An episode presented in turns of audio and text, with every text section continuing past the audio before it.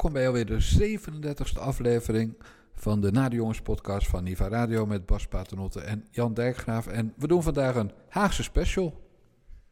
Bas? Ja, een Haagse special. Maar eh, allereerst, wat, wat, wat, wat, een- wat een prachtig, prachtig mooi geluid. Nee, maar zit je in een kerk, want je zit in Portugal. Jan Dijkgraaf zit in Portugal, dames en heren. Maar zit je in een kerk? Het klinkt echt heel mooi. Ik zit in een eh, prachtige villa van eh, Erik de Vlieger.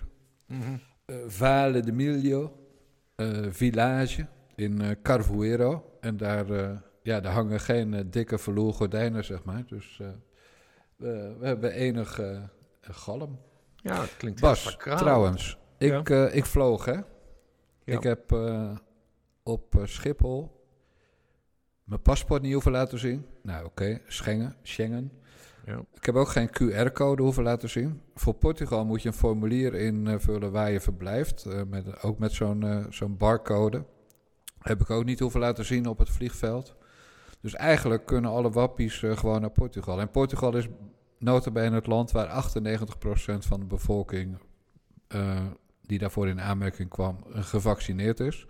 Heeft natuurlijk alles te maken met het feit dat het eh, decennia lang een dictatuur was... waar je gewoon deed wat een legerleider je vertelde. Salazar. Juist. Maar eh, lekker hier, man. Zonnetje, 22 graden. Lekker anderhalf uur gewandeld op het strand. Dus, eh, Mond- ik ben, mondkapje op straat, wat, hoe, hoe, hoe doen ze dat? Ja, winkels, mondkapje wel veel, ja. En, maar verder op straat niet, hoor. Nee. Hm. Maar ik ben nog nergens... Ja, supermarkt ben ik geweest met mondkapje. En eh, eh, vanwege het feit dat ik natuurlijk dus zelf ga koken elke dag, dat snap jij. Ik zit hier helemaal in mijn eentje. Ja, het, is een, het, het, het is, het is een ap- appartementencomplex Nee, van de nee, vlieger. Of, Het zijn eh, tientallen villa's die, Mhm. die deels worden verhuurd en deels in eigendom zijn bij mensen. En, Oké. En dan hebt verblijf ik zo twee keer per jaar. Ja, er zit een keuken in, twee slaapkamers, twee badkamers en een eigen zwembadje. Kortom, niet verkeerd. Een zwembad in de tuin. Ja, elke Oh, villa heeft goed. een eigen zwembad. En voor mensen denken dat het allemaal gratis gaat, zo zijn Erik en ik niet. Maar komt Erik dan ook de hele tijd langs? Om, om, om... Af en toe. Hey, hey Jan. Nee, Erik kwam me gisteren keurig de sleutel brengen. Want ik kwam aan eh, na, zeg maar, na kantoortijden. En eh, dan doen we een wijntje. En hij rookt dan even drie sigaretten in, eh, in zes minuten. En eh, we zien elkaar ongetwijfeld nog deze week. Maar Ja. nee, het is puur vakantie, joh. Lekker man. Ja, vakantie trouwens, werken. Volgende week maandag ben ik weer terug. En eh, dan, ja, dan krijgt mevrouw Dijkgraaf weer een vrolijke Jan terug. En, en wat voor werk ben je aan het doen? Nou, vanochtend een briefje maken. Hmm. Daarna anderhalf, anderhalf uur wandelen. Dat is in het kader van het eh, overleven. Die pens die moeten weer af. Dus eh, Ja. ik heb lekker op strand gewandeld. Verder ben ik nogal druk met een zeker boek van een zekere mevrouw Meiland. Renkema. Ja. Dus dat, ja, alles gaat gewoon door. En een toetje van Jan gemaakt. Dus, ja. Maar het is ook wel de week waarin ik eh, de laatste restjes RSI-ellende wil wegwerken. Dus zo min mogelijk achter de computer. Ja, de warmte, alhoewel is daar wel warm nu? Ja, het is 22 graden, dus eh, lekker man. Oké, dat moet dan positief zijn voor de, voor de rug en de RSI. En de... Ja, en afblijven van de telefoon en van de computer afblijven is eigenlijk het beste. Dus dat, dat lukt vanzelf op het strand. En baantjes trekken. Ja, zo groot is het zwembad ook niet. En het is verrekt koud. Dus, nee, eh tot Ik wil, nog even hebben, ik wil nog even hebben over mevrouw Meiland. Ehm, ik kom er nu pas op. Heet die jongen Alain Verheij? Ja, Alain Vrij. ja. die ging twitteren van... eh, oh jongens, ik heb iets ontdekt. Jan Dijkgraaf die heeft een uitgeverij met Erika Meiland. En dat is dezelfde uitgeverij waar hij haar boek heeft uitgegeven... en het boek van haar ex-echtgenoot, Martien. Echt, sowieso, dit hebben we duizend keer besproken... In, in, in de Nare Jongens podcast. ja. Maar je hebt, het, je hebt het volgens mij zelfs op tv verteld. Of op de radio. Ja, het is, het is in elk geval in de serie geweest. En eh, ik, ik heb eh, de, de solocast van Bert Brussen. Ik geloof dat dat een eenmalig avontuur was vorig jaar. Maar die was uh, notabene op 30 oktober vorig jaar. Ging die er ook anderhalf uur lang over. Dus laten we zeggen, het is geen nieuws. Maar hij bracht het als een soort scoop. Ja. En, en het meest schandalige was niet eens dat we die uitgeverij hadden. Maar even zachtjes nu hoor. Dat, dat we geld verdienden ermee. Ja, Ja, schande. maar die jongen die schrijft zelf dus ook boeken. Want hij is, hij is zelf, zelf benoemd theoloog des vaderlands of zo. Theoloog des dus- Twitterlands. Of, of Twitterlands, Ja. whatever. Maar je zou dus verwachten dat hij wel weet eh, hoe een uitgeverij werkt. En dat er in principe geld moet worden uh, verdiend. Hij, maar stuurt, hij, ja. hij probeert er een soort schandaal van te maken, wat Ja. er helemaal niet is. hij stuurde gisteren nog een tweet aan mij gericht. Maar ik retweet dat niet omdat die man eh, een soort eh, Willem Engel is. Hij geldt op aandacht. Ja. Maar daarin eh, liet hij een overzichtje zien dat er deze week 17 boeken van hem verkocht waren. En 18 retour gestuurd naar het Centraal Boekhuis. Dus per saldo heeft hij deze week min één boek verkocht. Ja, weet je, het, ik maar ben... wat wilde hij daarmee aantonen dan? Nou, dat hij iets minder succesvol is. Oké, nou dat geeft hij En, dan wel eerlijk toe. Ja, maar hij misgunt iemand dus het succes. Hè? Dat is, eh, dat is het, het kleine ervan. Maar weet je, dat, we zijn met Martien genomineerd voor de NS Publieksprijs. Nou, Saskia Noord heeft een column aan Martien gewijd eh, in het Algemeen Dagblad op zaterdag. Johan Derksen, die, eh, die loopt Martien te besje en te liegen over Martien eh, overal, of in zijn eigen tv-programma. Dus ja, niemand gunt Martien Meiland en Jan Dijkgraaf die prijs volgende week, woensdag. Dus ik hoop dat alle luisteraars nog een keer naar nspublieksprijs.nl gaan en even op Martien stemmen. Ja, Want nou wil ik hem binnen ook, dat kring. ja.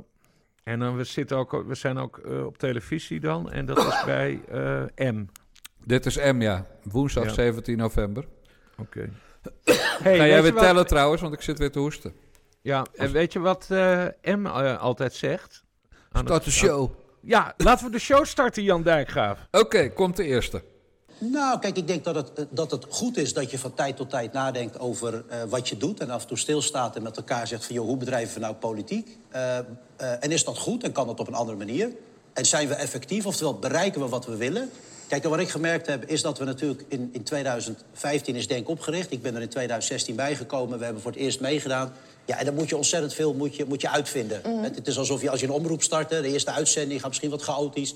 Dus voor ons geldt ook dat we aan de ene kant altijd eh, hebben gekeken hoe snel kunnen we mee participeren, meedoen. Hoe gaat het politiek spel? Ja. En we zijn natuurlijk ook eh, van de Tweede Kamerverkiezing van 2017 zijn we heel snel naar 13 steden gegaan.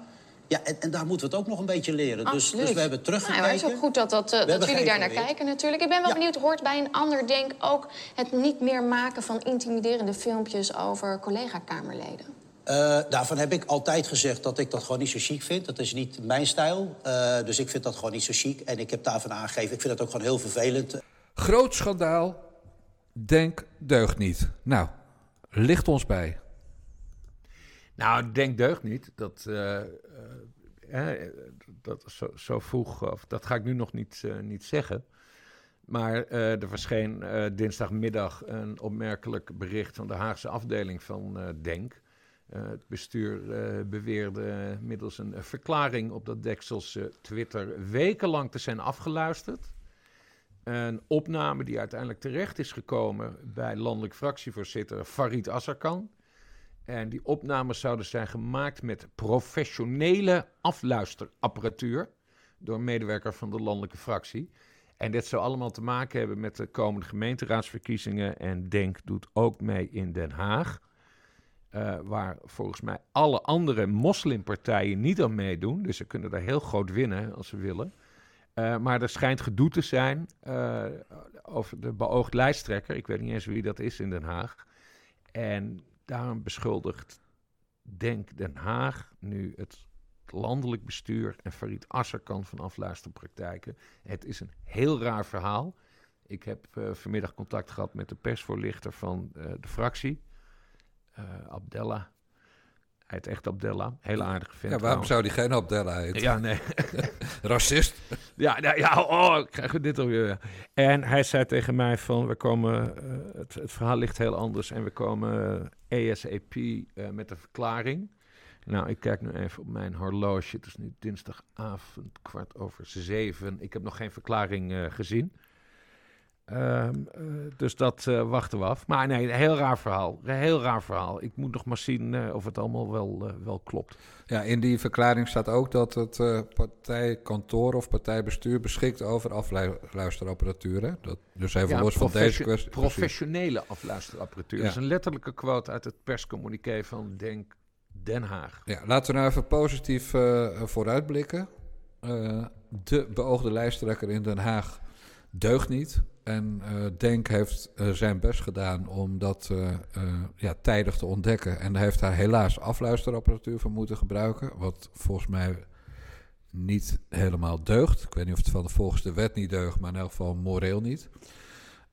Je had ook namelijk een privédetective kunnen inhuren. Maar de positieve invalshoek is... ze behoeden de gemeente Den Haag... voor, voor bijvoorbeeld een... Ja, als het een Turk was, bijvoorbeeld iemand van de AK-partij... en, al, en misschien wel was wel iemand van de moslimbroederschap... Ja. Dus het kan ook allemaal voor de goede zaak zijn geweest. En dat Azarkan, nee, uh, dat Azarkan ja. zeg maar, de vuile was uh, uh, niet buiten wilde hangen. Maar gewoon wilde voorkomen dat er ellende kwam. Nee, ja, maar goed, als je, als je elkaar gaat afluisteren, dat werkt nooit. Ik Dan bedoel, ben je een Zinji Usdil. Nou ja, dat hebben we dus met, uh, met uh, ja, Usdil, Usdil gezien. Uh, ja, kleine Nixon. Ja. Ik vind het vooral verdrietig voor, voor Denk. omdat ze eindelijk rust in die club hebben. Hè, ze hadden die enorme toestanden twee jaar terug. Ja. Inmiddels gewoon weer met drie man in de kamer. Uh, Azarkan uh, heel goed bezig. Ik vind Azarkan, ben ik sowieso wel fan van hoe hij als, als politicus opereert. Uh, maar ook heel goed bezig in die toeslagenvergen. Ja, Zeker. dit zou dan wel weer zo'n smet zijn op je partijtje. Dat, uh, maar ik moet het nog maar zien. Het, uh, het uh, ja, ik weet niet. Het zijn allemaal temperamentvolle types. Wat zeg je nou, Bas? Zeker omdat ze uit Noord-Afrika ja. komen, hè? Ja, ja. racist. Ja. En, en, Turkije. ja, dat is ook Noord-Afrika. Nou, en Azië en Europa. Sorry, je hebt gelijk. Ja, ja, ja. En, en ja, ik, moet het, ik wacht het rustig af. Het is, uh, ik vind het jammer dat Denk niet heel snel met een verklaring komt. Want dit soort dingen moet je gelijk, uh, dit soort vuurtjes, ja. moet je gelijk uittrappen natuurlijk. Uh, maar we wachten het af. En nou ja, en als het wel waar is dat er een soort afluisterdienst is binnen Denk, die, die lokale afdelingen gaat afluisteren. Hè. Het gebeurde, het was trouwens niet dat telefoons zijn getapt of zo. Nee. Het, het, was meer uh, bijeenkomsten in restaurants en, en iemand, uh, een medewerker van de fractie, die had dus een, een, een opnamesysteem bij zich. Ja, daar moet je sowieso niet je, je poot aan willen branden. Nee, dat zijn akkepartijachtige toestanden, terwijl Azarkan ja. een Marokkaanse roots heeft. Maar goed, puinzooi bij die partij. Ja, we wachten het af. Nee, maar dit is hoe dan ook gedoe natuurlijk. Want de, de vraag is ook, las ik, wie er gaat over de kandidatenlijst in Den Haag. En dan claimen ook beide partijen dat zij dat zijn. Dus ja. de afdeling Den Haag dat de afdeling Den Haag dat is. En, en het landelijk bestuur dat het landelijk bestuur dat is. Kortom, dikke vette bende. In de stad ja. van Richard de Mos. Ja. Het lijkt trouwens een beetje op wat er nu bij de SP gebeurt. Hè? Met die, uh, die Club Rood en de, en, en, en de communisten. Hier, in, uh, hier in Utrecht, uh, dat bericht, dat kwam vanavond ook naar buiten. Het gebeurt allemaal op dinsdagavond schijnbaar. je hebt hier een, een, lijsttrekker voor de SP-fractie in, in Utrecht. en die zit ook in dat rood-communistische kamp, marxistische kamp. En vanavond is er een koep gepleegd, want hij kan niet meer bij zijn eigen uh, internetsystemen, dus van de afdeling. En uh, binnenkort heb je dus ook verkiezingen voor het bestuur. En die jongen kan dus helemaal niks meer. Dus dat loopt helemaal uit de hand. Dat is in Rotterdam ook al gebeurd. Ja. Het, het zijn. Uh, ja, het zijn barre tijden voor de extremistische partijen. Ja, maar het is allemaal zo dom, want je doet jezelf er tekort ja, mee. Klopt. En, ja. uh, en ook daar is een partij bij betrokken die in de toeslagenaffaire met Renske Leijten goed werk heeft geleverd.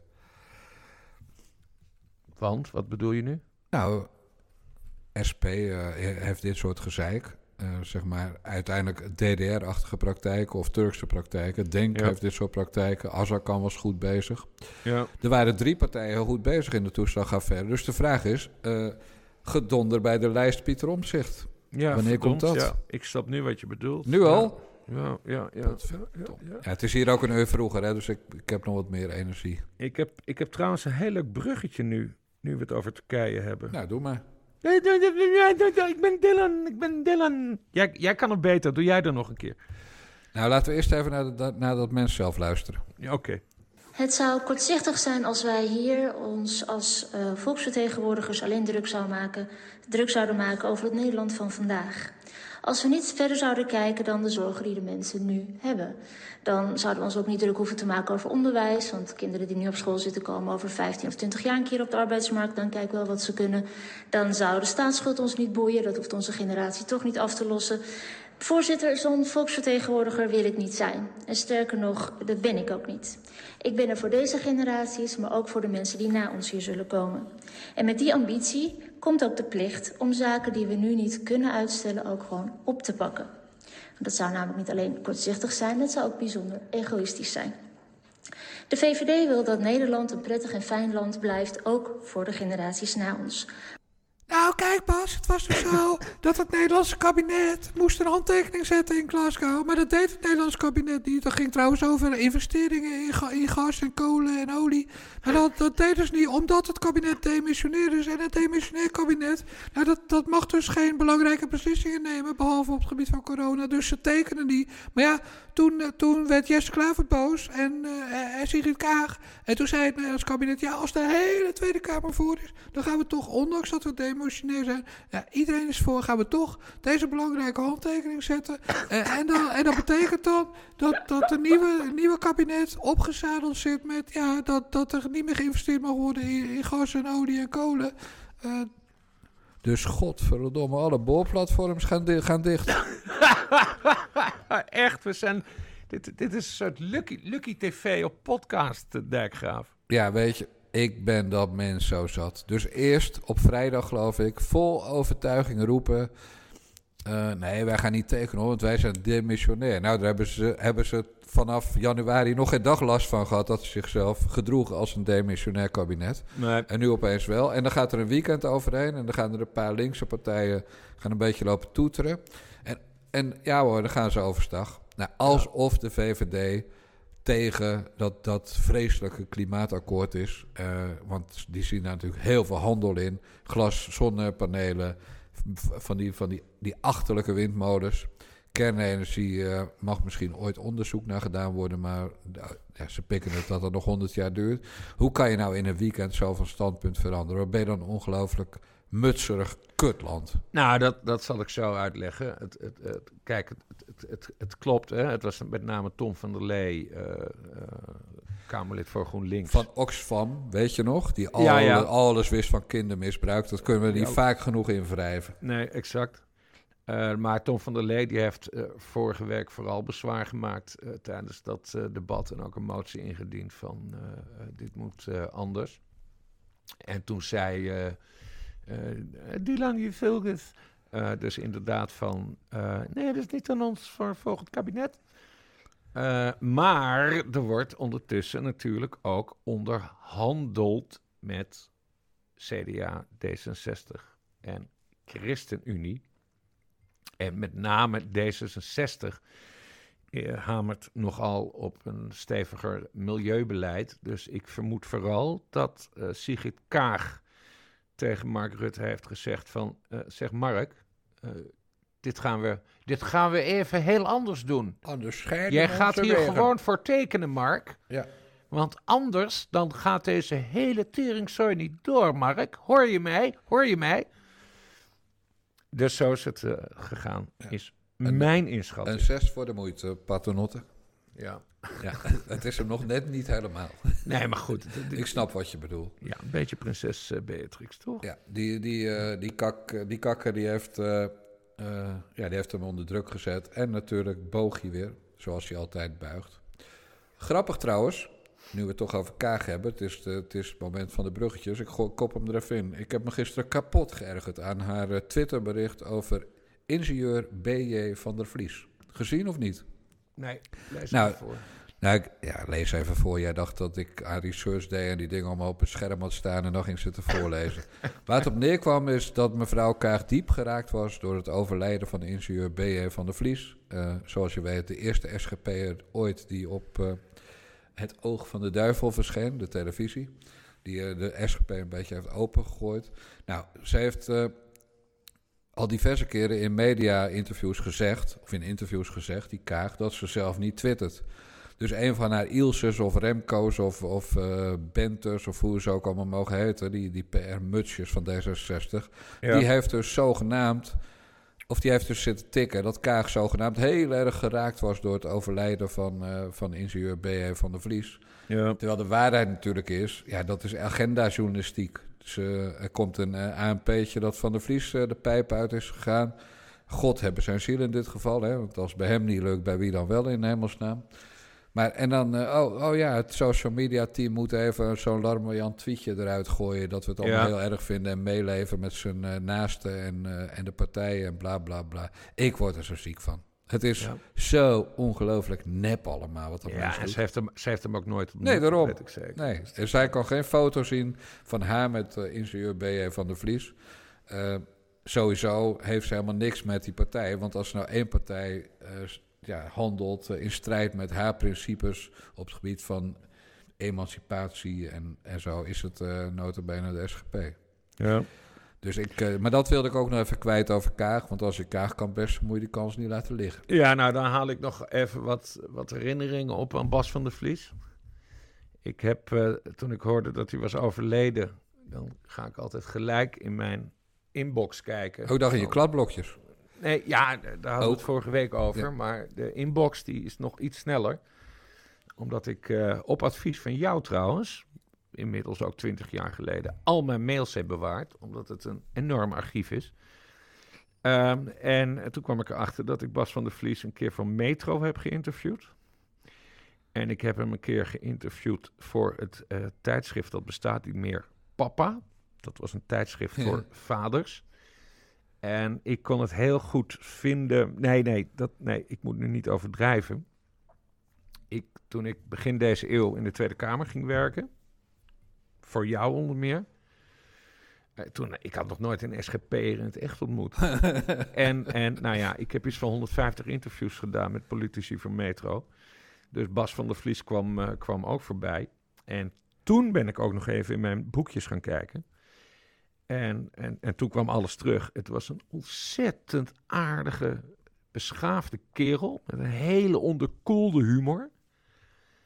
Uh, en je kon hem alles vragen. Ik heb het met hem over abortus gehad en dit en dat en bla, die bla. En uh, die discussie die heel lang in de Kamer werd, of binnen de SGP werd gevoerd over van mogen vrouwen lid zijn. Ja. Nou, daar zei hij over, uh, ja, uh, meneer Paternotte, ik, ik, dit is een interne partijkwestie.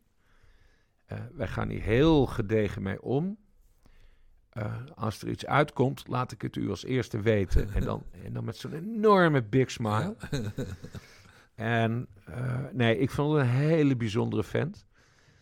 Uh, Menno de Bruyne, al, al, al 26 jaar fractievoorlichter van de SGP. Dat is ook zo'n... Nou, die is wat flamboyant, flamboyanter. Uh, maar die heeft ook een soort humor. En ik herken dat terug bij die SGP'ers. Want Kees van der Staaij is ook een hele geestige man. Ja. Als je hem in het debat ziet. Dus hè, het zijn hele strakke gasten. Uh, en ze hebben allemaal hele foute ideeën voor, voor, voor, hè, voor liberalen zoals jij en ik. Of, of conservatief liberalen, hoe je, het, hoe je het wil noemen. Nare jongens. Maar er zit toch in die hele zwarte kousen toestand van hun een soort, soort luchtigheid. Ja, en dat toen ik als jochie daar op het binnenhof kwam, dat wist ik niet. Ik, nee. ik had alleen maar geleerd, SGP'ers zijn eng. Ja, je was bang. ja.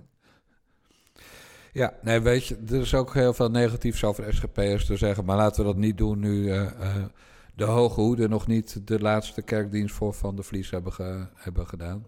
Ja. Dus ik hou, ik hou wijs op mijn mond. Ja. Is dat goed? Ja, nee. Laten goed. we nog een andere D66 gaan bashen. Gooi hem erin. Aan tafel Peter van der Voort, hoofd intensive care van het UMC in Groningen. In dit geval wordt het dus afgelast, Peter, maar in Den Bosch bijvoorbeeld niet. Wat vind je ervan dat gemeenten dat zelf mogen beslissen? Ja, het verbaast me eigenlijk wel. En ik denk dat uh, iedereen, ook organisatoren van evenementen, hun verantwoordelijkheid moeten nemen. En als het mogelijk is, moet je dat niet door uh, laten gaan. Moet je het aflasten, want het is een risico. Zeker, we zitten nu met 12.000 besmettingen. Er gaat zoveel virus rond. Misschien gaat er nu wel meer virus rond in de samenleving dan ooit in deze pandemie. Omdat ook heel veel mensen zich niet laten testen. Ja, dan moet je uh, allemaal je eigen verantwoordelijkheid nemen. Of het nou door overheid gereguleerd wordt of niet, daar kan je ook zelf actie op ondernemen. -hmm. Blijkbaar doen mensen dat niet. Blijkbaar doen mensen dat niet. En dat is dan Ja, dat is wel moeilijk om te zien. Uh, als je weet hoe wij uh, uh, opzien tegen de komende weken in het ziekenhuis. Dit was Peter van der Voort, die bij Jinek zat als ja, hoofd van de afdeling intensive care van het UMCG, het, het Universitair Medisch Centrum in Groningen. Ja. maar wat daar niet verteld werd bij Jinek was dat Van der Voort ook senator is van, komt hij weer, D66. D66. En jij hebt gekeken naar Jinek. Ja, ik, kijk, ik, ik, ik, keek gisteren eerst iets anders. En, en je weet, ik kijk in principe geen tv. Maar als die aan blijft staan...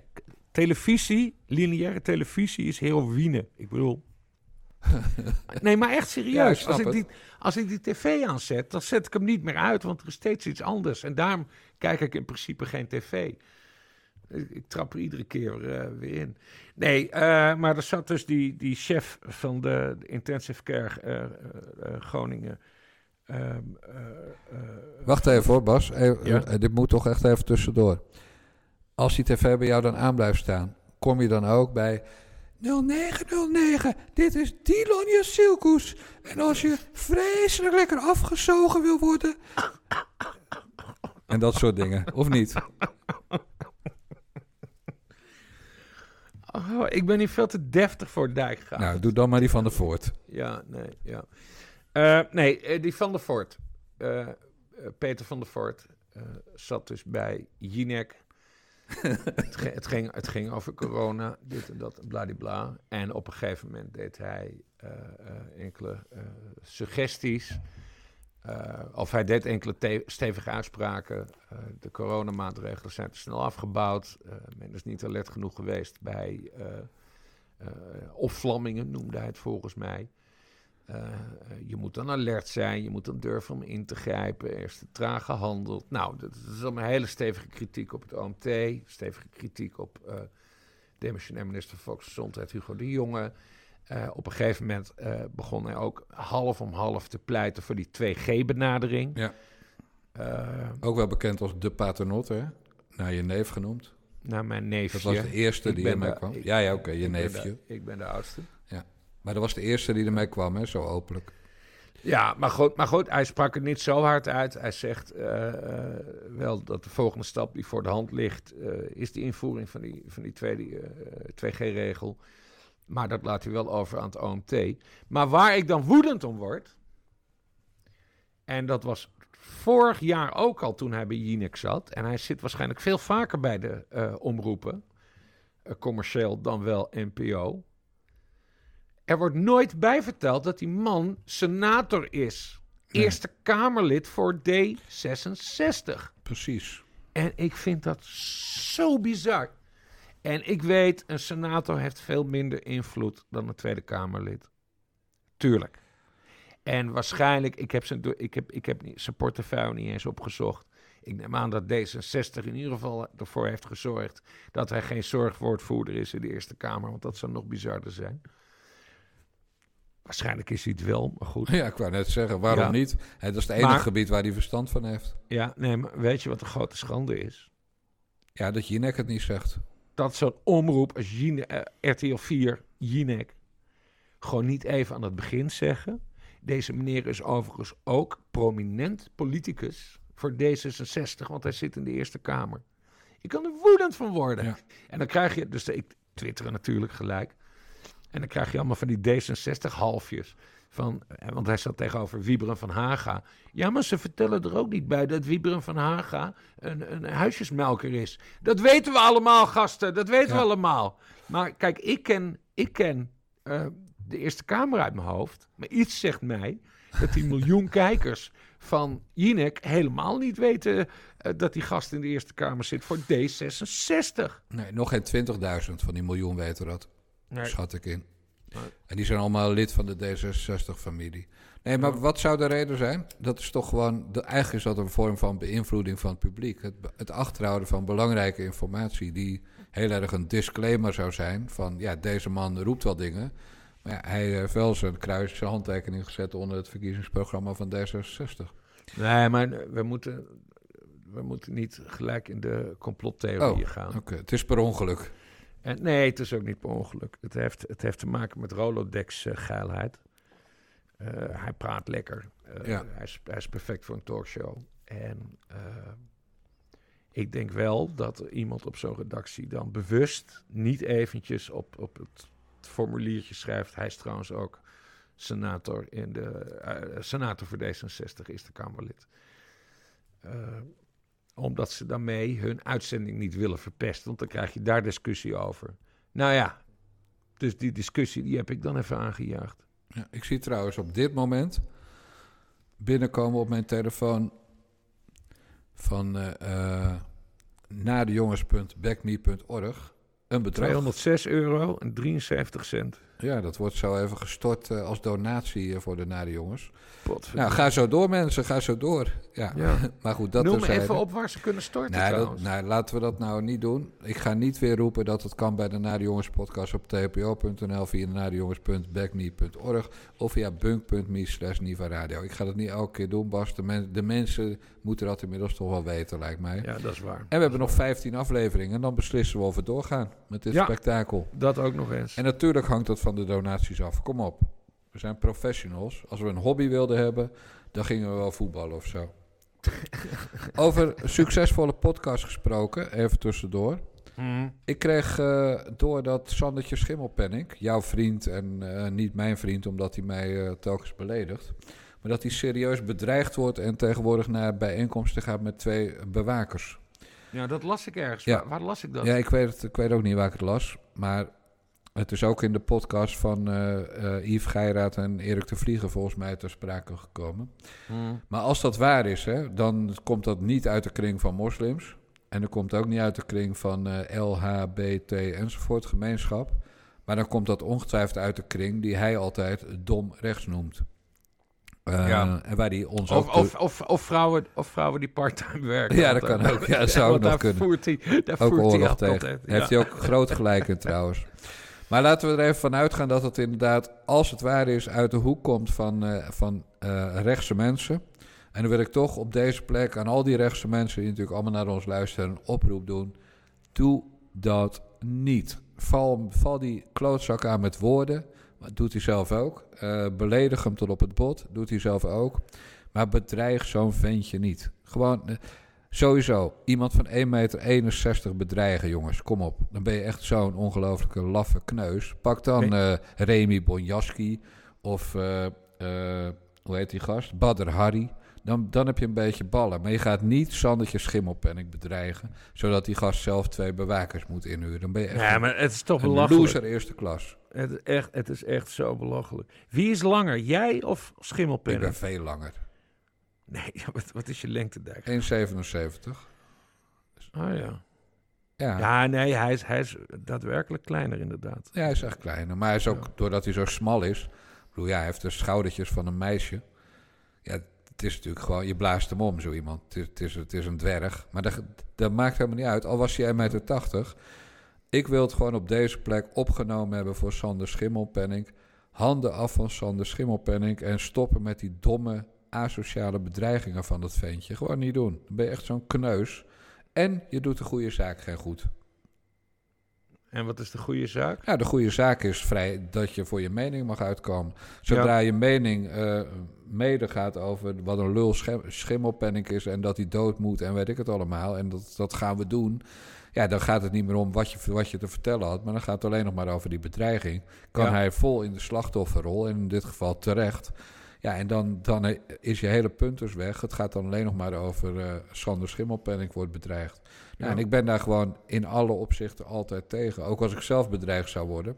Maar als je het voor Geert Wilders opneemt, die dus veel ernstiger bedreigd wordt dan Sander Schimmelpenning, is mijn stellige overtuiging. Ja, dat doe ik ook altijd. Dan moet je het ook voor Sandertje Schimmelpenning eh, opnemen. Graaf Sander, de nare jongens staan achter je. Wat betreft dit soort dingen. Wil ik er even als nuancering acht aan toevoegen. Ja. Hebben wij genoeg over eh, Van der Voort en zo gehad? Ik denk het wel, hè? ja. Andere omroepkwestie. Want Sandertje werkte ooit voor Op 1 bij WNL en deed Dragons Den bij WNL tot hij daar werd weggestuurd vanwege eh, gebrek aan eh, empathie met de, de, met de kandidaten, zou ik maar even zeggen. Maar er was Nog iets hij belangrijks. had, hij had ruzie gemaakt met een van die lui die in het panel zaten. En ik ga dat nu niet allemaal opzoeken. Nee, maar ik weet dat wel, maar ik wilde dat nou net niet noemen. Dat ging, ja, over, nee, maar, dat nee, ging over. ben... Ja, dat, dat was, dat, dat was die, eh, die computerboer uit Rotterdam. En die Ja. had een, eh, een, eh, een, een soort ober en die had hij beledigd. Iets met huidskleur, Bas. Ja, en. Sander heeft dat opgeschreven. En ik vond het een heel mooi verhaal. Hou eens even op. Ik ben van de feiten, Jan Dijkgraaf. Hij noemde die man gewoon eh, een neger. De zwartste neger die ik ooit gezien had. Ja, Schimmelpenning deed Ja. dat niet. Zijn gastheer deed dat. Nee, nee, nee, nee, nee, nee, nee. Nou, zie je, daar heb je toch opgerakeld. Schimmelpenning beledigde die meneer die, eh, eh, die hij een neger noemde. Maar goed, dat zoeken de mensen maar even lekker zelf op. www.google G-O-O-G-L-E.com Echt heel goed. Heel, even de hele URL uitspellen, Jan. want, want het merk Google is nog niet zo bekend. Nee, eh, maar ik had het dus net tegen die halfjes, die domrechtse halfjes, die schimmelpenning eh, bedreigen. En voor die mensen moet je alles volledig uitschrijven. Ja, dat is waar. We gaan even naar een andere lul uit de publieke omroep. Frans Klein. Jort Kelder, klein bier vergeleken met eh, wat eraan komt. Namelijk eh, Arnold Karskens komt Ja. per 1 januari eh, aanschuiven. Ja. Ongehoord Nederland, nieuwe omroep. Eh, dat, dat is een club van, van racisten, klimaatontkenners, complotdenkers, NOS-bashers, journalistenhaters. eh. hoe, ga, hoe gaat dat?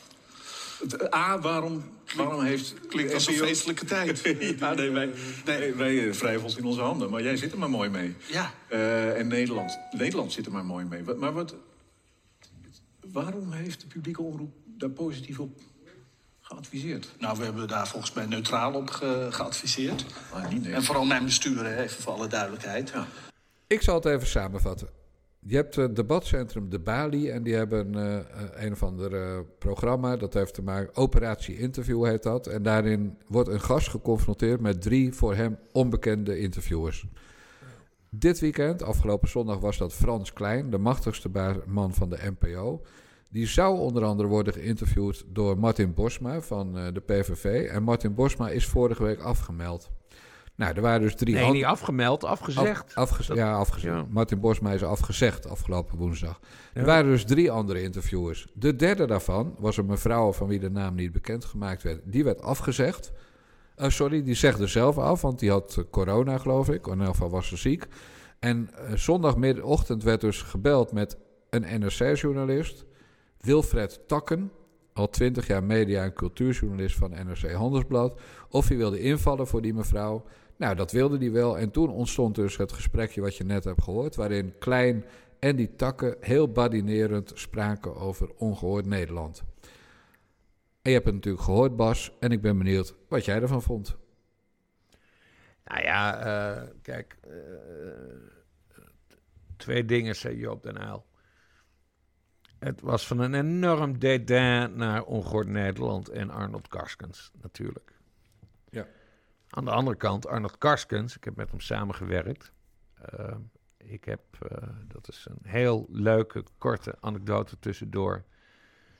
Eh, ik heb een keer met Arnold zitten mailen. Dat ging over een, een. Hij leeft niet meer. Dat was een Nederlandse oorlogsmisdadiger. die en die woonde in Duitsland. En Arnold is altijd bezig met het jagen op, op oud-nazi's. Die nu bijna allemaal dood zijn, maar deze meneer leefde nog. Ehm, eh, en toen heb ik voorgesteld dat we een keer een busje zouden huren. Bij die eh, naar Duitsland zouden rijden bij die meneer zouden aanbellen. En hem vervolgens in dat busje gooien. En terug naar Nederland rijden, afleveren bij een politiebureau. En eh, ik vond het een heel goed plan. En Arnold Karskens, die zei toen: Bas, het zou echt fantastisch zijn als we dat doen. Maar die gast is al in de negentig. Als hij dit niet overleeft en sterft in dat busje, hebben jij en ik een heel groot probleem. Dus we gaan dit niet doen. Nou, dat vond ik heel sympathiek, want ik stond er helemaal, eh, helemaal klaar voor. Je bent stil, Jan. Hey, daar ben ik weer. Ik was even pissen. Heb je... heb jij eh, weer die anekdote over die oude Duitser verteld, of niet? Ja. Ja, dat heb je al eerder gedaan, lul, in de Na de Jongens podcast. ik was even pissen. ik moest zo nodig. Ik, denk, eh, ik denk, Bas gaat vast weer die anekdote over die, die 90-jarige mof vertellen. En dat Arnold Kaskers, zeg maar, Mr. Integrity, dat die toen zei: Bas, we kunnen echt niet met dat busje naar die man. Want die man is 90. En als die ons ziet en dan krijgt het aan zijn hart, ja, dan dondert hij dood neer. En dan hebben Ja. wij een probleem. Klopt het? Heb je dat allemaal weer verteld? Ja, dat heb ik allemaal weer Mooi man. Oh man. Wat Ja. vond je er nou van? van dat het, is trouw- het is trouwens allemaal beschreven in het boek Het Beestmens van, eh, van, eh, van Arnold. Er staat een hele pagina gewijd aan, eh, aan mijn plan om... de, Met naam en toenaam? Word je genoemd? Ja, ja, ja, Bas Paternotte. Hij schrijft dan van Bas Paternotte stuurt mij een mail. Is het een idee dat jij en ik samen naar Duitsland rijden en die, eh, die Klaas Karel Faber, want zo heet hij, het beestmens, dat we hem daar, gaan, dat we hem daar gewoon zelf even gaan ophalen. Dus nee, het staat allemaal in een boek. Mooi verhaal. Ja, goed hè? Eh, je kunt het niet Maar vaak genoeg vertellen. nee, precies. hey, maar laten we nog even naar die Frans Klein gaan. Waarvan mensen ook zeggen dat het mijn broer had kunnen zijn, uiterlijk. Eh, Ja, jullie lijken wel op elkaar. Dat viel mij ook op. ik, vind dat een ik vind dat echt een belediging. Want ik vind dat zo'n griezelig mannetje. En daar word ik dan mee vergeleken. ja, dat, dat wil je toch niet? Maar hij zat echt te lachen toen die gast van, eh, van, die van NRC het had over eh, eh, racisme en eh, vreemdelingenhaat, weet ik wat, klimaatontkenners, complotdenkers. En ik heb er vandaag ook een briefje aan gewijd. En toch, hè, ik weet niet of, of ik eh, ongehoord Nederland, of ik daar veel racisme heb, op heb gehoord. Maar die andere dingen allemaal wel. Dus inhoudelijk had die gast van, van NRC wel een beetje een punt. Dat ongehoord Nederland een omroep is die ruimte biedt aan klimaatontkenners. En die ruimte biedt aan eh, eh, complotdenkers. En die ruimte biedt aan nou, eh, racisme, laten we even in het midden. Weet je wat grappig is? Nou. Een van, ik, ik mag het wel zeggen, want hij, hij er ook mee. Maar een van mijn donateurs is dokter G.M. Mulder uit Uruguay. De man die, eh, die vroeger voor corona rechtse barbecues organiseerde, één keer per jaar, waar allemaal eh, rechtse mensen samenkwamen. Maar die is eh, de opvolger van die man die uit de Raad van Toezicht is gestapt. Ja. dus de, dus, en die heeft ook een zeker verleden met stukken die, ja, waar wat kritiek op zou kunnen zijn. Die wilde bijvoorbeeld dat mensen met een baard, bedoelde hij natuurlijk moslims, maar dat die geen recht meer kon, eh, kunnen krijgen op een uitkering in Nederland. Dat was een van zijn eh, manieren om de islamisering van dit land te stoppen. En daar heeft hij ergens in 2015 een column over geschreven.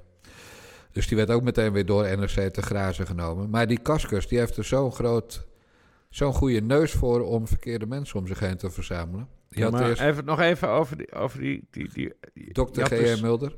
Ja, Mul- Ja. Dr. Mulder noem ik hem dan maar. Die gaat nu dus opzeggen bij mij. Kut.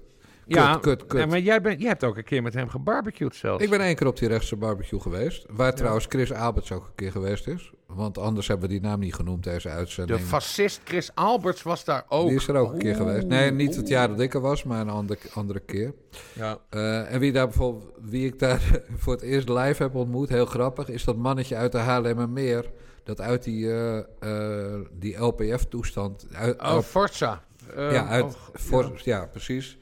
Eh, en die is nu een lijsttrekker, geloof ik, wordt hij voor de partij van Van Haga bij de gemeenteraadsverkiezingen. Oh, maar dat is zo'n dat is zo'n politieke hoer is dat. Ja, maar, de- maar het mooie van die man, die moet je echt eens opzoeken. Dat is dus gewoon Kees van Koten als de vieze man. Dus Ja. als je die man ziet en je hoort hem praten en je denkt daar dan bij Kees van Koten die die bonbons in zijn bek stopt. Ik weet niet of je dat nog weet, die, eh, dat hij dat in die, in die chocoladewinkel eh, allemaal bonbons in zijn Ja, bek ja, dat heb ik, dat Ja, heb ik meegemaakt. Dat is dus, hij heet Paul, ik weet zijn achternaam ben ik alweer vergeten, zo onbeduidend is die. Maar dan zie ik gewoon telkens die Paul voor me. Als ik, eh, als ik, als ik, eh, of dan zie ik Kees van Koten voor me als ik die Ja. Zie. En ja, Wieberen van Haga heeft er natuurlijk een hele goede aan. Ik weet niet, er was een soort onderzoek naar hem of hij geld achterover had gedrukt. En bij McDonald's had gegeten van fractiegeld. Ja, Geen Paul, idee. Paul Meijer heet hij. Ja. En hij is uit de fractie gegooid omdat hij, omdat hij de, de, de creditcard van de fractie... Precies. eh, Ja, en de dan- pinpas, want waarschijnlijk hebben ze Ja, geen creditcard. En dan maar- bij McDonald's had hij dus, zou hij dan, hè, laten we maar weer de nuance, zou, hij zou bij McDonald's dan eh, zijn dochter of zo getrakteerd hebben op een Happy Meal, whatever. Maar ik bedoel, als je jat, jat dan goed. En ga niet bij McDonald's eh, goedkoopste van het goedkoopste vreet. Nee, ik heb wel eens contact gehad met die Meijer. Hij had een eh, enorm plan. Hij praat dus ook een beetje zo, Bas. je Ja, nee, maar echt. Nee, maar echt. Hij, hij zou de, hij zou de, de, de biografie eh, die alle andere biografieën over Pim Fortuyn overbodig zou maken, zou hij schrijven. En hij was nog niet begonnen, maar hij vroeg of ik eh, eh, het voorwoord wilde schrijven. echt zo'n type is het van... Hé, oh, Bas, ik heb zo- eh, Bas, ik ben nog steeds met biografie van uh, Pim Fortuyn. En het wordt echt de beste biografie die we ooit gaan. Maar wil jij dat voorwoord alsjeblieft schrijven, joh, Bas? Lekker man. Eh. Paultje Meijer, held. Ja, maar echt, Jan Dijkgraaf en de typetjes. Dit, oh man, dit Ja, is maar ik moet wel... Kijk, dat komt omdat ik nu al 24 uur in eh, Portugal ben. En ik ben, ben weer fit. Ik bedoel, ik ben Ja. weer helemaal uitgerust. En ik kan er weer volop tegenaan. Ja. Dus ik ga de komende tijd weer knallen, Bas. Hey, eh. ja, kan wat worden. Maar goed, die Klein is dus een vieze, vuile, miserige teringleier. Die gozer van NRC is dus een smerige rat. Hè? Laten we dat even vaststellen. Maar over hoor, wie we het zeggen. Maar het over wie we het nog niet hebben gehad, is Juri Albrecht.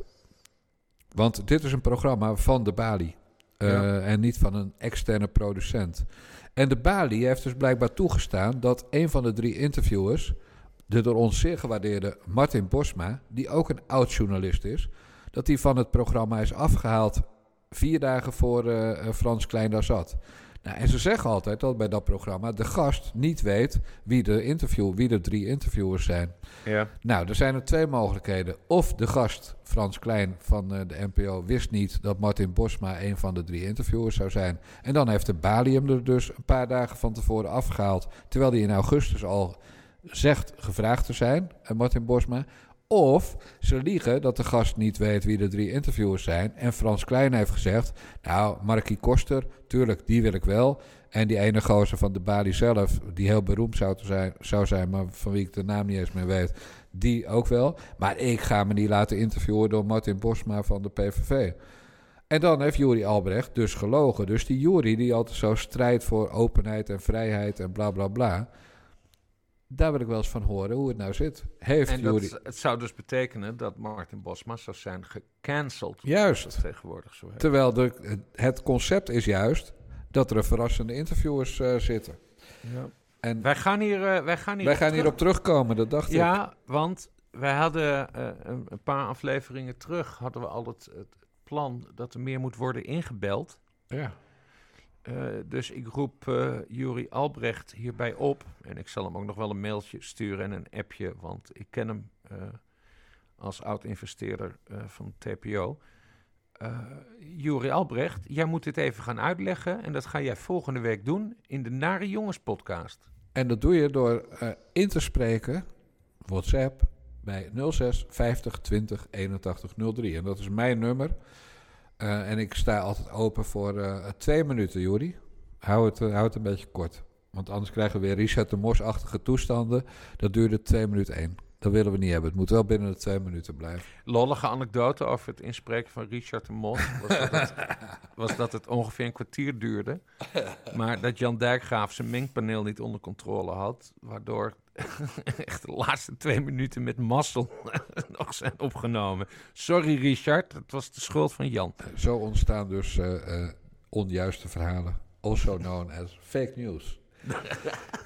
De waarheid is dat Richard de Mos precies twee minuten had opgenomen, maar dat ik zag staan 11.45 en ik dacht, kut, die man die mocht twee minuten lullen, die heeft 11 minuten 45 volgeluld. Maar het was, Maar- kwart, voor, het was kwart voor twaalf s'avonds, of wat?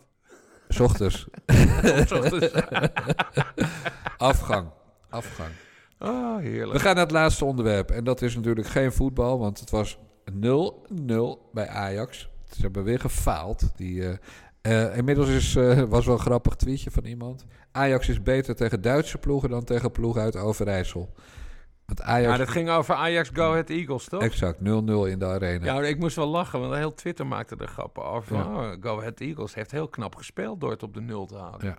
Persoonlijk zo. feitje. Ik heb de bus nog ingehaald van Go Ahead Eagles op weg naar de arena. Ja, kom op. Afgelopen week? Of... Nee, zondag. Ze speelden om 8 uur in, eh, in de arena. Ja. En eh, ik moest om 7 uur in Nieuwveen zijn om de allerlaatste loodjes van het luisterboek Martien eh, op te nemen. Ja. Eh, en ik haalde dus die spelersbus van Go Ahead Eagles in. en En dat vind dan ik komt het echt heel dichtbij. Juist, dat vind ik toch altijd... Maar en toen heb ik een beetje ingestraald op zijn Jananda's. Ja, verdomd. 0-0, Bos. hey, lekker man. Op Janandas. En daarna heeft mevrouw Dijkgraaf, die was mee... want die zou mij maandag eh, naar Schiphol brengen voor Portugal... maar die heeft me daarna gedropt bij een, zo een of ander Cubus hotel op Schiphol. Dat heet, dat heet Citizen. Want dan hoefden ze maandag niet heen en weer te rijden van Friesland naar, eh, naar Schiphol. En dat was onderweg terug uit Nieuwveen. En, en toen vroeg ik, eh, ga je me missen? toen nou, ze moet maar inbellen met het antwoord naar 06 eh, 50 20 81 03. Maar ik, ik, Ik, heb... zag dat plaatje op Twitter, maar dat is ook een hotel voor hele kleine mensen. hè? Dat zijn- nou, dat valt wel mee. Ik, vind, ik, ik ben dol op dat soort concepten. Het zijn, eh, het zijn een soort eh, containers waar ze dan een, een, eh, een bed en, en een badruimte zo in hebben geflikkerd. Ja. Maar je kan er zo heerlijk anoniem zijn. En, eh, eh, dus Ja. ik, ik ben er dol op. En eh, ja, het is echt 100 meter van Schiphol. Dat is natuurlijk gewoon te gek. En dan, dan loop je naar de gate? Of neem je loop je naar de Schi- Nee, die 100 meter loop ik, Bas. Nee, maar het zitten ze allemaal op elkaar. Ja, het is gewoon echt 100 meter van de ingang van Schiphol af. oh, grappig. Ja, ik had trouwens drie kamers geboekt, bleek. Want als je met, met Ideal boekt, dan gaat niet helemaal goed. Maar een van die half Nederlands sprekende knullen bij de entree... die zorgde dat twee daarvan geannuleerd werden. Want anders was het wel een hele dure grap geworden. Oké. Maar eh, nee, ik, ik ben dol op zulke hotellen. En vervolgens heb ik dus de hele maandag op Schiphol rondgelopen. Eh, en dat is echt heel zwaar kut met een mondkapje op je bakkers. Echt Maar niet fijn. Wat ging je doen? Vliegtuigen Ja, kijken? ik vloog heel laat. Nee, ik ben gewoon gaan werken natuurlijk. En eh, eten en shoppen. En kijken waar het boek Erika lag en waar het boek Martien lag. En of Johan Derksen er ook nog lag. En Saskia Noord natuurlijk. Allemaal ja. En Leila Gul. Dus eh hartstikke toppie toppie. Nee, veel te lang zo'n dag. Echt, eh, het zweet staat in je naad, zou Martien zeggen, van al dat lopen. Want met, met zo'n ding op je bakkers. En het is dan nog te vroeg om te gaan wijnen, wijnen, Exact, wijnen. ja. Jou, jij moet nog wel werken aan je imitaties, eh, zeg ik in alle eerlijkheid. En als senior kan ik dat zeggen. Oh, ik herken in jou ogenblikkelijk mijn meerdere als het gaat om typetjes en imitaties. Nou, dankjewel, Bas. Oh my god. Dankjewel, Bas. Goed. Wij zijn toe aan het laatste onderwerp, heer Paternotte. Ja. En dat is een liedje.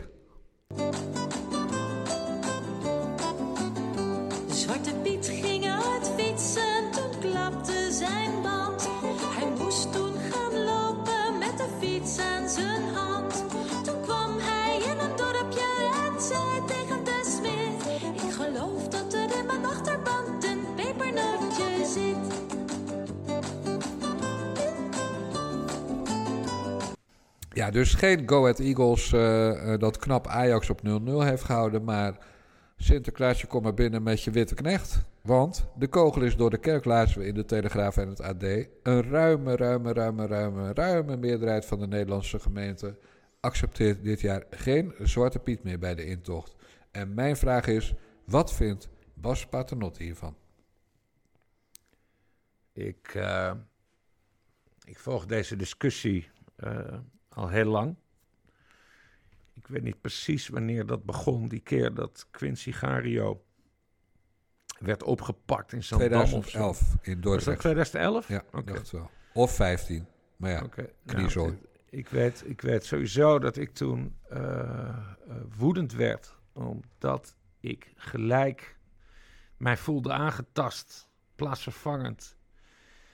In het belang van vrijheid van meningsuiting. Want hij stond daar met een t-shirt eh, samen met die, eh, die airfryer. Eh, iets, iets over Zwarte Piet, kritisch. Ik weet niet eens wat erop stond. En ik vond het zo belachelijk dat hij werd op, opgepakt. Vond ik nergens op slaan. Verder vond ik die tegenbeweging ook belachelijk. Van jongens, wat maakt dat nou uit, Zwarte Piet, bla bla bla bla bla. Nou ja, die discussie die duurt nu al een kleine tien jaar. Ehm, het interesseert mij geen ene flikker meer. Eh, dan doe je roetveegpieten, whatever. Als die kids het maar leuk vinden. Eh, eh, er zijn nu kinderen die naar het Sinterklaasfeest gaan. die nog niet eens geboren waren toen deze discussie begon. Dus die kennen alleen maar het concept van de roetveegpiet. Nou ja, prima. leven en laten leven. Het, het is, wat, is die, wat is die term? This is not the hill I want to die on. Dit Ja. is niet eh, de discussie waarmee ik de geschiedenis in wil gaan. Nee, het zal me echt helemaal jeuken gewoon. Ehm, eh, maar goed, ik heb geen kinderen. Jij hebt wel kinderen. Ja, ik, ik geloof niet dat Pim en Bob Dijkgraaf nog geloven in Sinterklaas. Pim is, is 32 en Bob 29. Dus, dus dat, ik denk dat... Nee, nee, als- nee, nee. Bob is drie jaar oud, toch? Met dat eh, Ja, Bob is 7. Ja, hij is als schrikkelkind. Ja. als schrikkelkind. Ja. Maar ik denk niet dat als ze nu luisteren dat ze zeggen... Shit, ouwe, wat vertel je ons nou? Sinterklaas bestaat niet. Nee. Ik ga er een paar kan- kanttekeningen bij plaatsen. Ja. De eerste kanttekening is dat dit het bewijs is dat als je maar heel hard roept, actie voert, gesubsidieerd, heel hard roept, dat je je zin krijgt in Nederland. Nederland buigt. Altijd. De tweede kanttekening is dat die lui van Kick-Out Zwarte Piet kinderen bang maken bij de intocht. Ik hou er niet van als volwassen mannen kinderen bang maken. De derde is dat ze zich gedragen alsof zij de, de nazaten zijn van de Black Panthers in Amerika en elke vrouw de nieuwe Rosa Parks is. Is niet zo. De vierde is, en dat vind ik het meest smerige, dat gemeenten stiekem allemaal een rol hebben gespeeld bij het wegwerken van de, eh, van de Zwarte Piet. En hoe hebben ze dat gedaan? Door, ik maak nu zo'n apostrofgebaar, weet je wel, van eh, Thierry Baudet met zijn Mm, eh, holocaust. Door in gesprek te gaan met de, met de lokale Sinterklaasverenigingen. En tegen die Sinterklaasverenigingen te zeggen: Jullie krijgen elk jaar van ons subsidie. Wij vinden wel dat jullie serieus moeten nadenken over het concept van de Zwarte Piet. En of dat niet beter de roetveegpiet kan worden. Nou, hoe gaan zulke dingen? Als een gemeente dat tegen zo'n clubje zegt, hè, vaak winkeliers en eh, goed bedoelende burgers, dan snappen die precies wat de gemeente bedoelt. De gemeente bedoelt dan, als jullie niet overstag gaan, dan gaan wij minder subsidie of geen subsidie meer aan jullie geven. Dus dat is ook een kanttekening. Een volgende kanttekening is, het is dat vreselijke opdringerige gedrag. Ik snap heel goed dat je in gemeenten waar zogenaamd kinderen heel veel last hebben van Zwarte Piet, hè, laten we zeggen de grote steden waar meerderheden eh, eh, pigmentverwend zijn, dat je daar dit gewoon doet. Eh, snap ik. Maar er zijn ook heel veel gemeenten in Nederland nog altijd die 100% blank zijn. En dat heet platteland. Of 99% blank of 98% blank. Of Urk. Ja, ik weet niet of Urk aan Sinterklaas doet en zo. Maar goed, maakt niet uit. Oh nee, dat mag waarschijnlijk helemaal niet. Dat Ja. is een valse heilige. Ja. Geen idee. Maar, maar in elk geval, het is dat opdringen van wat in de stad moet gebeuren aan het platteland, wat ook heel veel kwaad bloed heeft gezet. Nou, en tenslotte, Bas, we herinneren ons allemaal het filetje op de A7 bij Jouren. Toen, eh, toen een club eh, Amsterdammers met ook heel veel journalisten aan boord, zoals Frederike Geerdink en mevrouw Matthijssen. Ik geloof dat Nou, die van de Frederik Volkskrant- Geerlink is geen journalist. dat is een noemde, zich, noemde zichzelf toen journalist. Ja, maar het waren inderdaad allemaal activisten die in de bus zaten. En die deden alsof ze door een stel wilde Friesen werden aangevallen. Nou, wat echt allemaal bullshit was. En deden alsof ze in levensgevaar waren op die snelweg. Nou, daar verschillen wij toch weer van mening. Want ik heb daar toen een artikel, een opinieartikel over geschreven. Geen stijl of zo. Op de Bassie of, of, of op TPO werkt niet meer. Nee, ik vond dat, eh, dat ze die bussen gingen blokkeren. Dat vond ik een, vrij- een aanval op de vrijheid van meningsuiting. Ja, dat mag. Dat, eh, ik vond het belachelijk. Ik bedoel, dat- je, moet, je, moet, je moet niet bang zijn. Hè, want het, zijn allemaal van die fortuinistische types die zo hakken op... eh, van, hè, Zwarte Piet moet blijven bestaan. Eh Pim Fortuyn was ook voor de vrijheid van meningsuiting. Eh, daar, dan moet je die lui ook gewoon de kans geven te laten demonstreren. Want als jij ervan overtuigd bent dat jij aan de goede kant van de zaak staat... Hè? Namelijk niks mis met Zwarte Piet. Nou, prima. Dan, dan, dan moet je zeggen, nou, lui, prima. Ga, ga, maar, Ga maar met je bus even demonstreren. Ja. Hou, het, weg bij onze kinderen. Ga maar even op dat veldje staan. Wat, Precies wat door de gemeente is, Nee. eh, is aangewezen. Maar ga ze niet blokkeren. Ze werden, nou- ze werden dus niet weggehouden bij die kinderen. Dat was precies het punt waarom die Friesen dit deden. Friesen deden het natuurlijk ook omdat Friesen denken... flikker even op uit onze provincie. Hè. Stel dat je de rand de biel uit Amsterdam... tieft Ja. op met je, met je oude kapotte kutbus. Dat Ja. speelde ook allemaal een rol. En, en sowieso de dwarsheid van Friesen... die natuurlijk in het karakter zit. Dus je hebt helemaal gelijk. Ze hebben recht om te demonstreren. Maar een verstandige burgemeester had gezorgd dat het op een andere plek eh, eh, was gebeurd. Nou, de, de plaatselijke politiek daar in Friesland zat helemaal eh, te vergaderen met die lui van, K, van Kick-Out Zwarte Piet, hoe het allemaal moest gebeuren. Maar mij best joh. Dan nog even dit tenslotte. Ze zijn nogal fors gestraft. Ze moesten het DNA afgeven. Ze, ze hebben echt serieus taakstraffen gekregen, die Friesen. Die zogenaamd eh, bijna terroristische activiteiten tegen die, eh, die kapotte bus uit Amsterdam eh zouden Ja, maar goed, je kan niet de snelweg dichtgooien, Jan Dijkgraaf. Ik ben, ik ben Bas, erg law and Bas, order minded. hoeveel- Ik ben, erg, ik ben erg law and order minded, zoals je weet. Hoeveel Extinction Rebellion gasten zijn er bestraft? Ja, nul, veel te weinig. Nee, nul. maar ik ben, ja, nee, maar ik ben daar consequent in. Nee, maar, de, maar precies, Ik- die, dat mag. Die lui, maar- die lui van Extinction Rebellion, die moet je ook met de lange lat wegslaan zodra ze een weg blokkeren. nee, je moet ze En bestraffen. of dat nou blokkeervriezen zijn, en het waren dus niet eens... eh, ik, ik vermoed dat er heel weinig Friesen tussen zaten. nee, nee, het waren echt Friesen, eh, allemaal. Oké, hoe dan ook. Lange lat erover. Nee, Law and order. Vind ik allemaal best, maar dan moet je het wel bij iedereen doen. Dus ook bij die lui van Extinction Rebellion. En wat gebeurt daarmee? Die worden in de bus gezet en die worden een paar honderd meter verderop afgezet.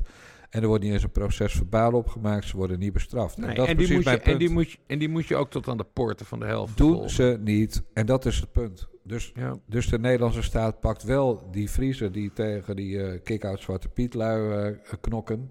En pakt niet eh, het tuig op links. En dat is precies mijn punt. Iedereen aanpakken of niemand aanpakken.